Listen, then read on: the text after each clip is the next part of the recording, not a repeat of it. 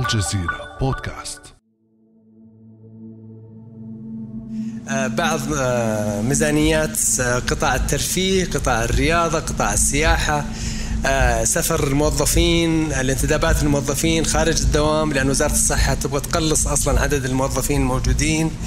فهذه مصاريف بالضرورة تم توفيرها نحتمل لن يترتب عليها أي نتائج اقتصادية.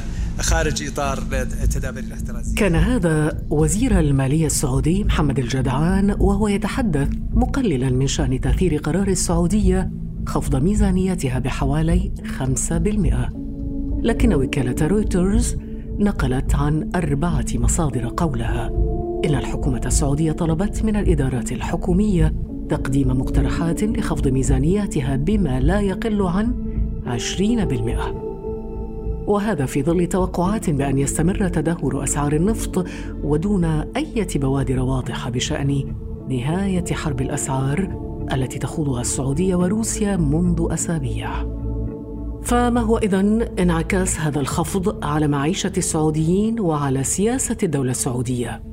وهل ستستمر السعودية في خفض الميزانية مع استمرار انخفاض أسعار النفط؟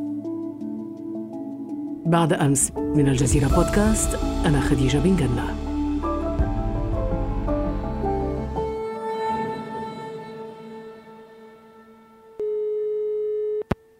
نرحب بضيفنا من لندن الباحث في الشؤون السياسية والاقتصادية الدكتور محمد حيدر. دكتور محمد أهلا وسهلا بك معنا اليوم في بودكاست بعد أمس. أهلا وسهلا فيك بمستمعينك الكرام جميعا. أكيد أنت في البيت. شوف هو شوف وديع الصافي بيقول بتروح لك مشوار. نحن لا أنا حورتها. تقول بتروح لك مشوار؟ قلت لها يا ريت. قالت لكن لا تنهار. الكورونا عباب الدار قلت لها بطلت خليني بالبيت بيت. هذا ممكن. هلا تصرفي فيها زي ما بدك. روح هذا يصلح شعار لتحفيز الناس على البقاء في البيت. نحن أيضا في البيت. منذ أن بدأ تسجيل البرنامج في البيت مع بداية الحجر المنزلي وشعارنا اليوم هو خليك بالبيت. دكتور محمد كي نفهم ويفهم المستمع معنا أيضا ماذا نعني بخفض الميزانية؟ يعني عندما نقول خفض الميزانية معناها أنه الدولة تضع كمية أقل من الأموال المتاحة للقطاعات التي ترعاها. يعني مثلا في قطاع المواصلات في قطاع الاتصالات في قطاع الصحة في قطاع الدفاع في كل القطاعات التي ترعاها الحكومة. هذا يعني أنه نسبة أقل من الصرفيات ستكون متاحة غير الموجودة كانت مسبقا في الميزانية أو ما كان محدد فيه. هلأ بالنسبة للمملكة العربية السعودية إذا كان هذا برنامج تقشف فهو ليست المرة الأولى التي تعلن فيه المملكة عن برنامج تقشف في العام 2015 2016 2019 كل مرة كانت تقول أن هناك برنامج تقشف المشكلة ليست هنا المشكلة هي أين ستنفق هذه الأموال في ظل يعني مستجدات وأولويات مختلفة. يعني أفهم من كلامك أن هذا الخفض جاء في توقيت غير مناسب مع ظهور أزمة كورونا. هو في وقت أنا أقول أنه حرجي. وهالحراجه هون تعتمد الآن على حكمة صاحب القرار. مم. العودة إلى حكمة صاحب القرار في السنوات الماضية لا تبشر بخير. ولم يكن هناك أزمة حقيقية تطال كل فرد في المجتمع. وليس فقط كل فرد في المجتمع كل فرد في المنطقة وفي العالم الآن. يعني القرار يجب أن يكون أكثر من حكيم في هذه الفترة طب هل من الحكمة أن يأتي أيضا هذا القرار مع انخفاض دخل النفط بسبب أيضا آه، رفع آه، إنتاج السعودية من من النفط، كيف نفهم هذه المفارقة؟ يعني أنا قلت قبل ذلك كيف يمكن أن يكون هناك حكمة في قرار يجعل المملكة تخسر حوالي 250 مليون دولار من عائداتها النفطية يوميا. من يفسر لي الحكمة؟ أين هو وجه الحكمة في هذا الأمر؟ طيب كي نفهم صانع القرار السعودي كيف يفكر؟ نعم. طيب كي كيف اتخذ هذا القرار وهو يأتي بنتائج عكسية للسعودية؟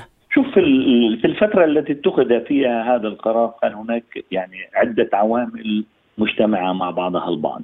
بالدرجة الأولى كان هناك اعتقالات كان هناك إحباطات على مستوى يعني الإنجازات في الخارج. كان هناك محادثات تقوم بين أوبك وبين المملكة العربية السعودية وروسيا بشأن خفض الإنتاج لم توافق عليه روسيا فبالتالي كان هذا القرار المفاجئ طيب نعود إلى موضوع خفض الميزانية دكتور محمد نعم. استمعت معنا قبل قليل إلى وزير المالية السعودي محمد الجدعان وهو يتحدث عن أنه هذا النقص طال فقط مجالات غير أساسية أسفار الموظفين نشاط الأنشطة الترفيهية وما إلى ذلك ما مستوى الشفافية في هذا الإعلان أو هذا التصريح برأيك؟ يعني شوف أي وزير وزير المالية أو وزير النفط أو أي وزير لا يستطيع أن يصرح بمعلومات إلا أن يكون هناك يعني ترخيص بها. نعم. فبغض النظر إذا كان هذا فيه شيء من الواقع أو من غير الواقعية لا يستطيع الوزير أن يعلن إلا عن هذا الكلام. طب دكتور في المقابل السعودية قامت بإجراءات لتخفيف تداعيات هذه الأزمة سواء على المؤسسات على الناس المواطنين. هم يقولون أنه نعم هناك دعم للقطاعات الصغيرة والمتوسطة واعتقد انه بحدود حوالي 60 أو 70 مليار ريال من هذه الموازنة وان هناك يجب أن توفر نوع من السيولة ما نسميه نحن بال liquidity pump يعني. دفع بعض النقد في أو السيوله تسهيل سيولة لعدد من المؤسسات التي يمكن أن تكون متعثرة، لكن أنا أقول هل هذا سيكون فقط في الإطار المؤسسي؟ وما هو شأن المجتمع العادي يعني المواطن العادي؟ من يعني يهتم بالعامل اليومي. أو هذا الرجل الذي لديه دكان صغير. إذا اهتمينا فقط في المؤسسات وفي المصارف وفي البنوك المتعثرة هذا لا يخدم المجتمع. آه، يجرنا هذا دكتور إلى الحديث عن تداعيات فيروس كورونا على الاقتصاد العالمي. نظرا للظروف الاقتصادية والعالمية الناتجة عن تبعات تفشي الوباء العالمي كوفيد 19 والانخفاض الحاد في توقعات نمو الاقتصاد العالمي. وما تبعها من انعكاس سلبي على أسواق النفط وتأثرها المباشر على المالية العامة في المملكة. اتخذت الحكومة إجراءات للحد من أثر انخفاض أسعار البترول كما سيتم اتخاذ إجراءات إضافية للتعامل مع انخفاض الأسعار المتوقعة كل الأسباب التي قد قدمتها وزارة المالية السعودية لخفض الميزانية والتي استمعنا لأغلبها آنفا في نشرة الأخبار على التلفزيون السعودي ما زالت مستمرة إلى الآن. فما زالت تداعيات فيروس كورونا تغزو الاقتصاد العالمي وهي مرشحة لمواصلة التأثير السلبي على الأسواق العالمية وما زال سعر النفط أيضا يواصل هبوطه وهو السلعة التي يعتمد عليها اقتصاد السعودية بالدرجة الأولى. دكتور محمد آه، علاوة على الأسباب المعلنة ما الذي يدعو بلدا ثريا مثل المملكة العربية السعودية بكل احتياطاته النفطية وصندوقه السيادي الضخم إلى خفض ميزانيته يعني ما هي الأسباب هل الأسباب المعلنة كافية برأيك؟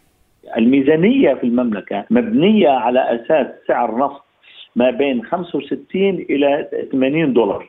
يمكن الحصول على هذه العائدات من النفط لكي تكتمل الميزانية. لكن عندما يتراجع النفط من 55 دولار إلى 45 دولار إلى 35 دولار بعدين إلى 23 دولار يعني ما لا يقل عن ثلث العائدات سوف تختفي من الموازنة. فبالتالي استلحق صاحب القرار المسألة بالإعلان عن خفض الموازنة لأنه سيكون هناك إحراج كبير بالنسبة للهيئة المالية في السعودية لكن طب أقول كيف يؤثر على الحياة المعيشية للسعوديين برأيك؟ شوف بشكل عام يعني الوضع بالنسبة للمواطن السعودي لا يقارن مع خلينا نقول أنا مجتمعات آه، متوسطة الدخل هناك حالة من الرفاهية ولكن لم تعد كما كانت من قبل. يعني بدأ المجتمع السعودي حالة تحول من مجتمع الرفاهية إلى مجتمع الكفاف.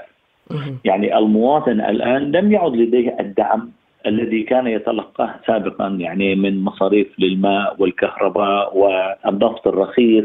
هذا لم يعد موجود. فبالتالي دولة الرفاهية هذه انتهت.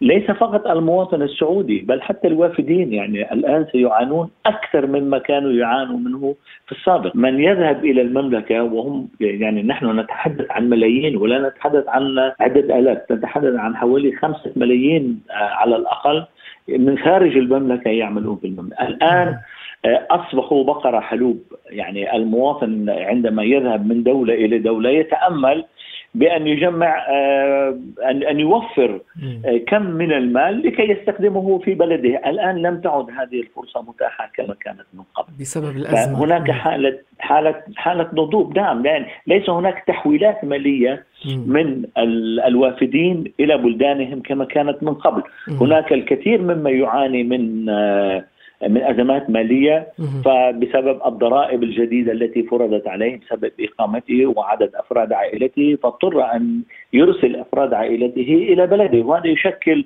نوع من بعض أو يسبب بعض المشاكل الاجتماعية ومصاريف نعم. اضافيه هذا يؤثر ليس فقط على السعوديين ولكن أيضا على أبداً. الوافدين نعم طب على السياسة الخارجية للسعودية دكتور محمد هل تتأثر؟ ربما نحن نعلم أنه السعودية طبعا يعني لديها أجندة خارجية تمويل جهات معينة آه، تخوض حروب آه، ليس أقلها حرب اليمن. هل يؤثر هذا على السياسة الخارجية للسعودية؟ يعني أن مستوى مستوى السياسة الخارجية للمملكة العربية السعودية الفاعلة أقول الفاعلة لا يتجاوز الحدود الإقليمية. يعني ليس لها تأثير دولي، لو كان لها التاثير الدولي ولها انعكاسات لكانت هي صاحبة القرار في القرارات المصيرية. لكان لها مبادرات ذاتية وفاعلة في المنطقة، يعني لنأخذ الآن أزمة كورونا وهي امتحان للسياسة الخارجية الإقليمية أقول للمملكة العربية السعودية، في استطاعة المملكة السعودية من خلال سياسة حكيمة أن تقلب الموضوع في كل المنطقات. وأن تحول العدو إلى صديق. يعني بقرارين يمكن أن تقول نحن كيف يمكن أن نساعد هذه المجتمعات الضعيفة الآن؟ على سبيل المثال إيران. نعم أنا يمكن أكون محرج بهذا الكلام ولكن سأقوله. هل تستطيع المملكة العربية السعودية الآن أن تقوم بمبادرة لمساعدة إيران للخروج من أزمتها؟ كما قامت الصين بمبادرة لمساعدة المجتمع الإيطالي أو إيطاليا؟ من هو أولى بالمعروف بين بعضنا البعض؟ هل تستطيع المملكة القيام بمبادرة الآن وتقول أني أوقفت الحرب في اليمن وأنا بدل هذه الحرب سأقوم ببرنامج مساعدات للشعب اليمني؟ هل يختلف المشهد إذا يعني حدث سياسيا هذا يختلف, أم يختلف يختلف؟ دكتور المشهد يختلف. فالصين وإيطاليا ليس بين وساعدت يعني عدد كبير من الدول وليس فقط إيطاليا. ولكن أين هي الأخوة يا سيدتي يا إيه خديجة؟ آه بالنسبة للسعودية وإيران يعني أنت تعرف دكتور بينهما مصنع الحداد يعني سيكون نعم. آه بقول لك شوف في مع في آه، في في غزوة مكة الرسول كان يقاتل الكفار عليه الصلاة والسلام. كان يقاتل كفار يقاتلونه وحرب وفي دماء بينهم. عندما انتصر في مكة كيف تعامل مع هؤلاء الكفار؟ اذهبوا فأنتم الطلقاء. مش بس أنتم الطلقاء يعني بعض بعض الصحابة قالوا له اليوم يوم الملحمه قال لا اليوم يوم المرحمة. إذا لم يكن هناك تراحم بيننا. شو فرق في إنسانيتنا نحن؟ هنا هنا الموقف الإنساني يقاس في هذه الحل في هذه الفترة. في هذه الفترة الحرجة تبدو إنسانيتنا. نعم. نتمنى أن تلتقط هذه الرسائل الإنسانية الجميلة من طرف صناع القرار والشعوب أيضا. جميل جميل أن ترسل دكتور هذه الرسالة عبر آه، أثير بعد أمس. يبدو أن مقولة الحج إلى بيت الله الحرام هو نفط السعودية الذي لا ينضب. مقولة باتت مهددة فقد وضعت إجراءات مواجهة وباء كورونا المقاربة الاقتصادية الجديدة لرؤية المملكة 2030 وضعتها في مهب الريح بعد أن كانت تطمح لاستضافة 30 مليون حاج ومعتمر بإجمالي إيرادات يصل إلى 50 مليار دولار سنوياً. يمثل الحج عماد مداخيل السياحة التي تطمح المملكة العربية السعودية إلى جعلها أحد البدائل الاقتصادية الموازية لمداخيل المملكة من النفط فما هي البدائل الأخرى التي يمكن للمملكة أن تعتمد عليها فعليا في حال استمرار الظروف الحالية واستمرار انعكاساتها على الأسواق العالمية؟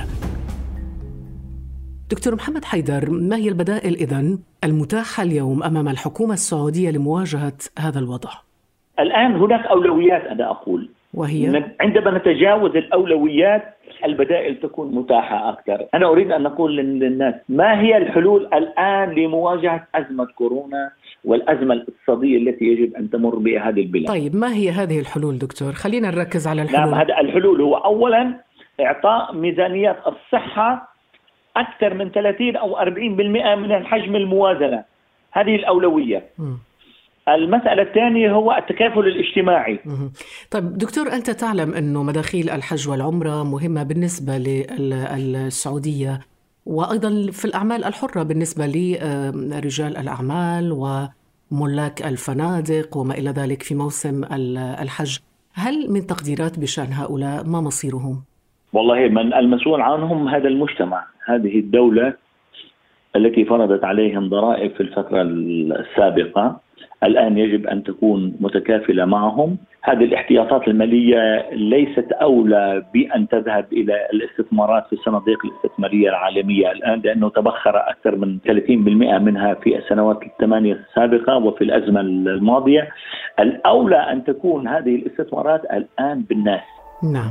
شكرا جزيلا لك دكتور محمد حيدر الباحث في الشؤون السياسية والاقتصادية. شكرا لك. أهلا فيك. وبانتظار مقالتك إن شاء الله.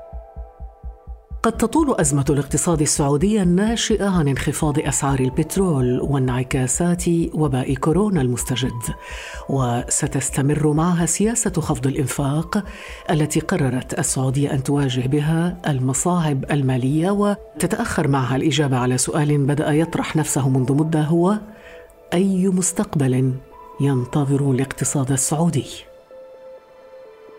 كان هذا بعد أمس